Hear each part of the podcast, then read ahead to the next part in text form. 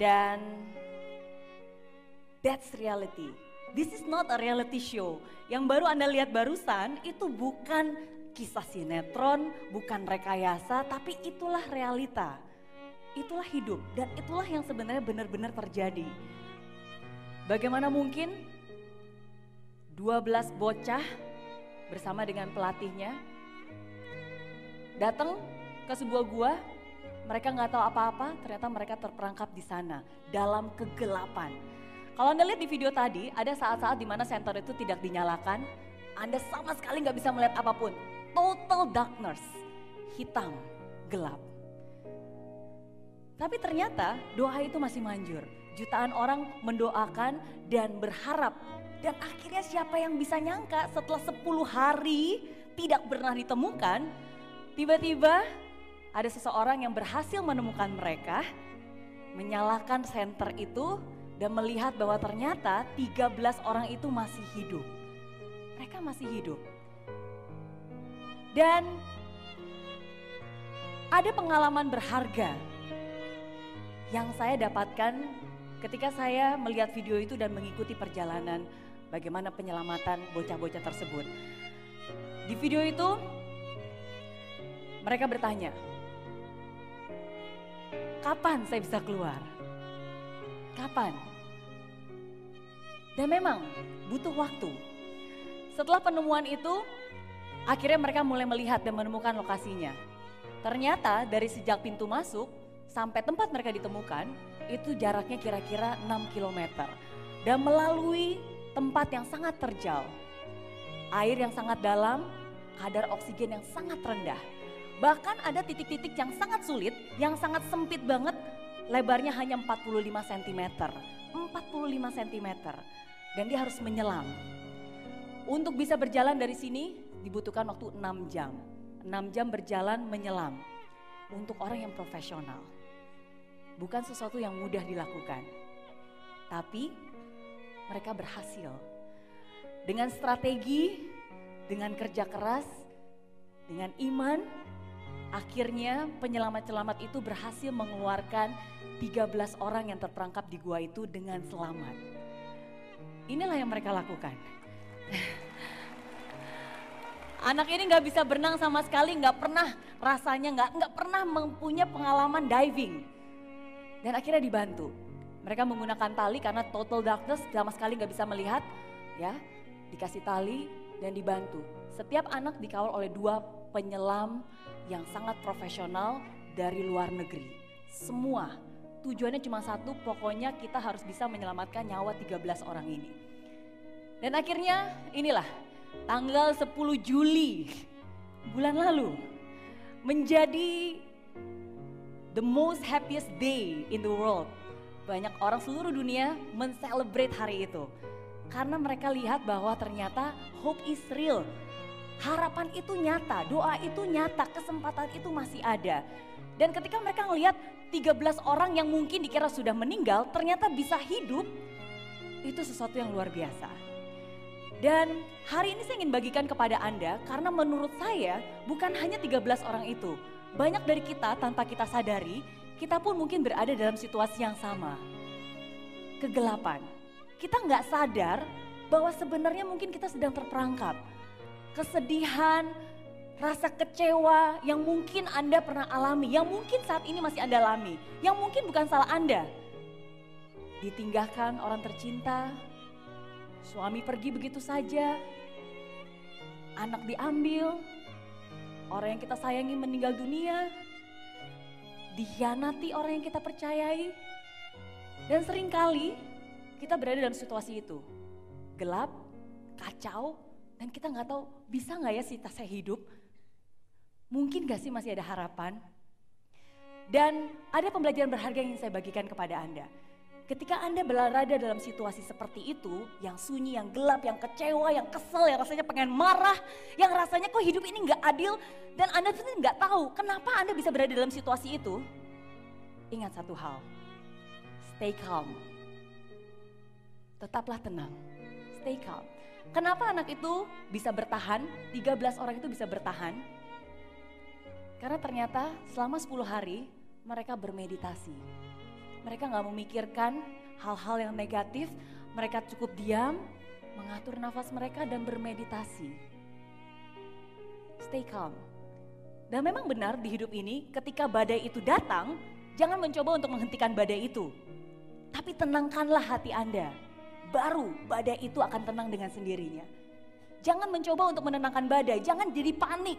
Kebanyakan orang ketika ada masalah karena panik malah muncul masalah yang berikutnya. Malah lebih kacau lagi, malah lebih sulit lagi. Dan kalau Anda lihat, siapa di sini yang nggak bisa berenang? ya. Ketika orang tenggelam, misalnya terjatuh, tercebur, aduh saya nggak bisa berenang nih. Oke, terus makin lama makin panik. Tahukah Anda bahwa sebenarnya kepanikan Anda itulah yang membuat Anda bisa tenggelam? Walaupun Anda nggak bisa berenang, kalau Anda diam, Anda tenang, sebenarnya Anda bisa terapung dengan sendirinya. Asalkan Anda tenang. Tapi kebanyakan orang tenggelam karena mereka takut, ah gimana nih saya nggak bisa berenang, oh no gawat. Dan akhirnya capek sendiri dan kelelahan sendiri dan akhirnya itulah yang menenggelamkan mereka.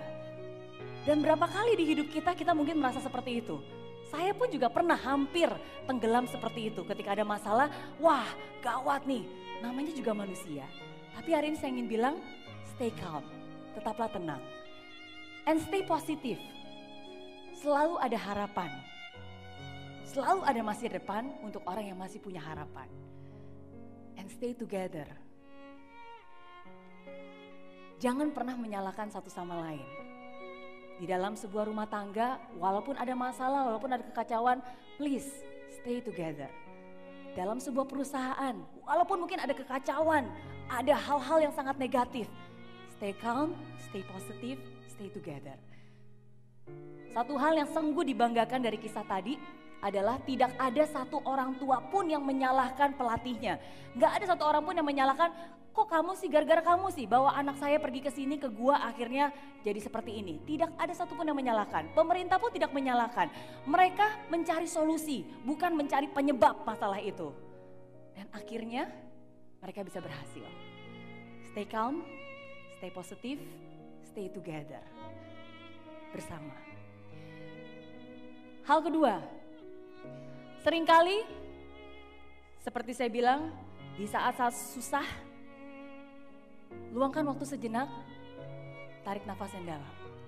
Kalaupun susah untuk bisa menenangkan diri Anda sendiri, satu hal yang saya jamin pasti manjur. Berdoa.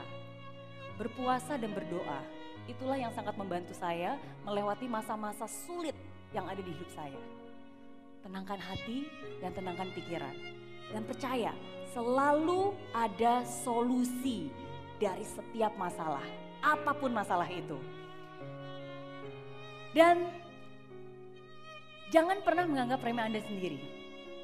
Kalau Anda lihat di video tadi semuanya gelap dan anak itu bilang saya lapar. Kapan saya keluar? Kadang di hidup ini kita sering tidak sadar. Kita merasa bahwa kita sendiri. Kita merasa bahwa kita dalam sebuah gua dan gelap. Kita merasa nggak ada yang peduli sama kita, nggak ada yang nolong kita. Gimana nih? Nggak ada yang peduli. Sama seperti anak itu, mungkin berada dalam gua itu dia nggak sadar. Tapi sadarkah dia? Ingat apa yang divers penyelamat itu bilang kepada mereka. Di luar sana ada orang-orang yang sedang membantu kamu. Don't worry, saya tahu kamu lapar, tapi kami juga sudah berusaha. Kami juga sedang berusaha, bukan hanya kami, tapi ada ribuan orang yang sedang berusaha untuk mengeluarkan kamu dari sini. Dan itulah hidup. Ketika Anda merasa bahwa Anda sendiri, gelap, dan gak ada pertolongan, gak ada orang yang peduli dan gak mau nolong Anda, sadarlah bahwa ternyata ada begitu banyak orang di sekitar kita yang mungkin Anda gak kenal itu sedang berusaha untuk menolong Anda. Sama seperti orang ini. Dia gak tahu bahwa ternyata jutaan orang mendoakan dia. Dia nggak tahu bahwa ternyata ada orang yang sama sekali dia nggak kenal, rela untuk pergi dengan uang biayanya sendiri dari luar negeri, dari Israel, dari Amerika, datang ke sana untuk menyelamatkan. Dia nggak sadar bahwa ternyata ada orang yang sedang volunteer. Banyak orang yang sedang menolong untuk mengeluarkan mereka. Sama di hidup ini pun mungkin Anda nggak sadar, tapi ada begitu banyak orang yang sedang berusaha untuk menolong Anda keluar dari kesedihan itu keluar dari kesulitan itu. Mungkin Anda nggak kenal mereka. Ketika Anda merasa Anda sendiri, sadar bahwa Tuhan sedang mengirimkan malaikat-malaikat terbaiknya untuk menolong Anda. Tapi semua itu butuh waktu. Ada begitu banyak pengorbanan dari volunteer-volunteer yang ada di lokasi tersebut. Salah satunya adalah petani-petani yang ada di sekitar mereka. Untuk bisa mengeluarkan mereka dari gua tersebut, air-air harus dipompa. Dan dipompa ke mana? Dipompa keluar. Jutaan liter air dipompa dan akhirnya membasahi persawahan, lahan-lahan sawah yang ada di sekitarnya. Dan petani-petani itu rela, walaupun mereka baru aja nanam bibit, bayangin baru nanam, tiba-tiba harus banjir dan rusak semua. Seperti ini, tapi mereka rela, mereka rela. Kenapa? Karena mereka bilang, bibit ini kalau rusak saya bisa tanam lagi. Tahun depan bisa tumbuh lagi. Tahun depannya lagi masih bisa tumbuh lagi. Tapi nyawa orang itu nggak akan bisa tergantikan. Cuma itu kesempatan satu-satunya. Jadi biarlah pompa air itu keluar, biarlah sawah-sawah kita rusak, asalkan mereka bisa selamat. Dan ini hanyalah salah satu dari begitu banyak orang yang rela untuk menyelamatkan nyawa 13 orang tersebut. Dan satu hal yang saya ingin Anda ingat, sabar, be patient, trust the process. Walaupun banyak orang sedang berusaha menolong Anda, walaupun banyak orang sedang berusaha menolong mereka, tapi tetap dibutuhkan kesabaran. Ketika mereka ditemukan dan ditanya, bisa nggak saya keluar sekarang? Kapan saya bisa keluar dari kegelapan ini? Kapan saya bisa keluar dan bertemu dengan keluarga saya sendiri? Jawabannya, tunggu. Tidak sekarang, nggak bisa sekarang. Kenapa? Karena kalau sekarang dipaksakan, nggak akan ada yang selamat. Butuh proses, butuh waktu. Dan kadang di hidup kita pun juga seperti itu. Kita berdoa, berharap, ayo dong, kapan nih saya keluar dari masalah ini? Ada waktunya ada waktunya Anda akan mendapatkan yang seharusnya Anda dapatkan. Karena mungkin kalau Anda dapatkan itu sekarang, mungkin ada sesuatu hal yang lebih baik lagi yang sedang dipersiapkan. Be patient and trust the process. Hargai setiap prosesnya, baik mudah maupun sulit. Dan dibutuhkan action juga. Untuk bisa membawa anak itu keluar, akhirnya anak itu juga harus belajar berenang.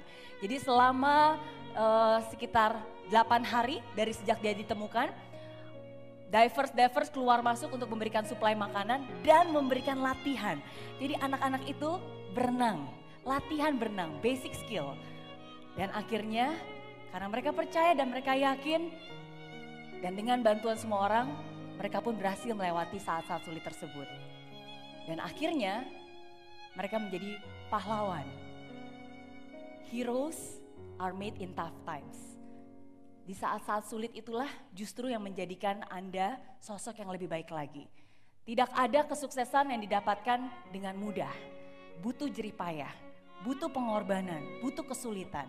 Dan kisah mereka akhirnya memberikan harapan bagi begitu banyak orang yang mungkin sudah putus asa.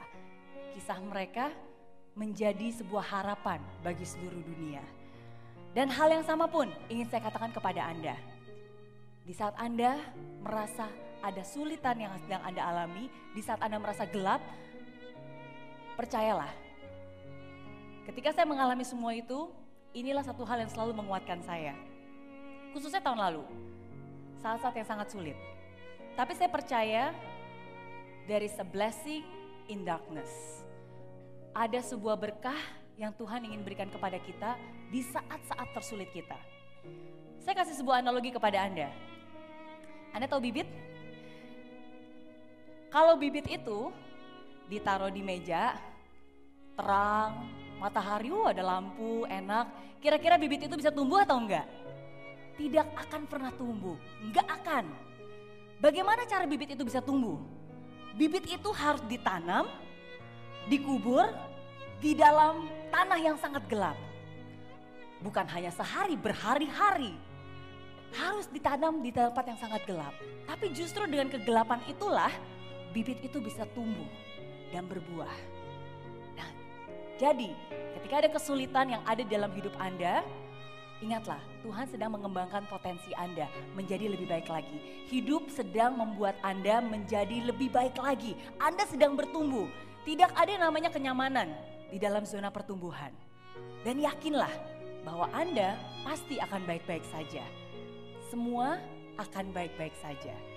Dan kalau itu bisa dialami dengan saya dan saya pun bisa baik-baik saja, saya yakin setiap dari Anda pun pasti baik-baik saja. Oke, jadi katakan ke kiri dan ke kanan, tenang aja.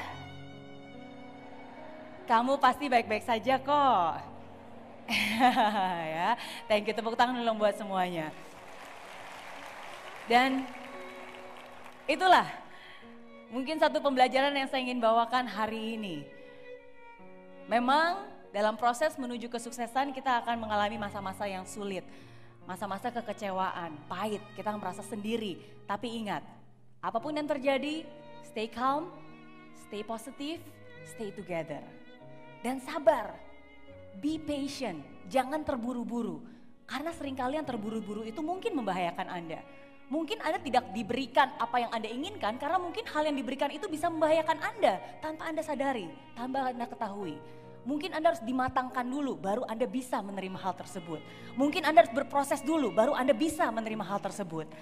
So, be patient and trust the process. Dan ingat, there's always blessing in darkness.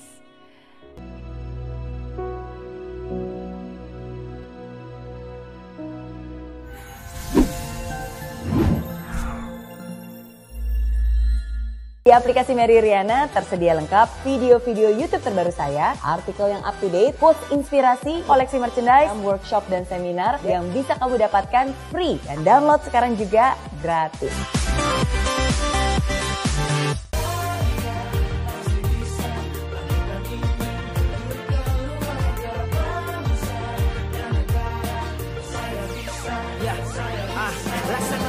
Tanpa hujan Hidup tanpa tujuan Kering dan mati tanpa hijaunya tumbuhan ah. Demikian kalau mimpi tak kunjung terjadi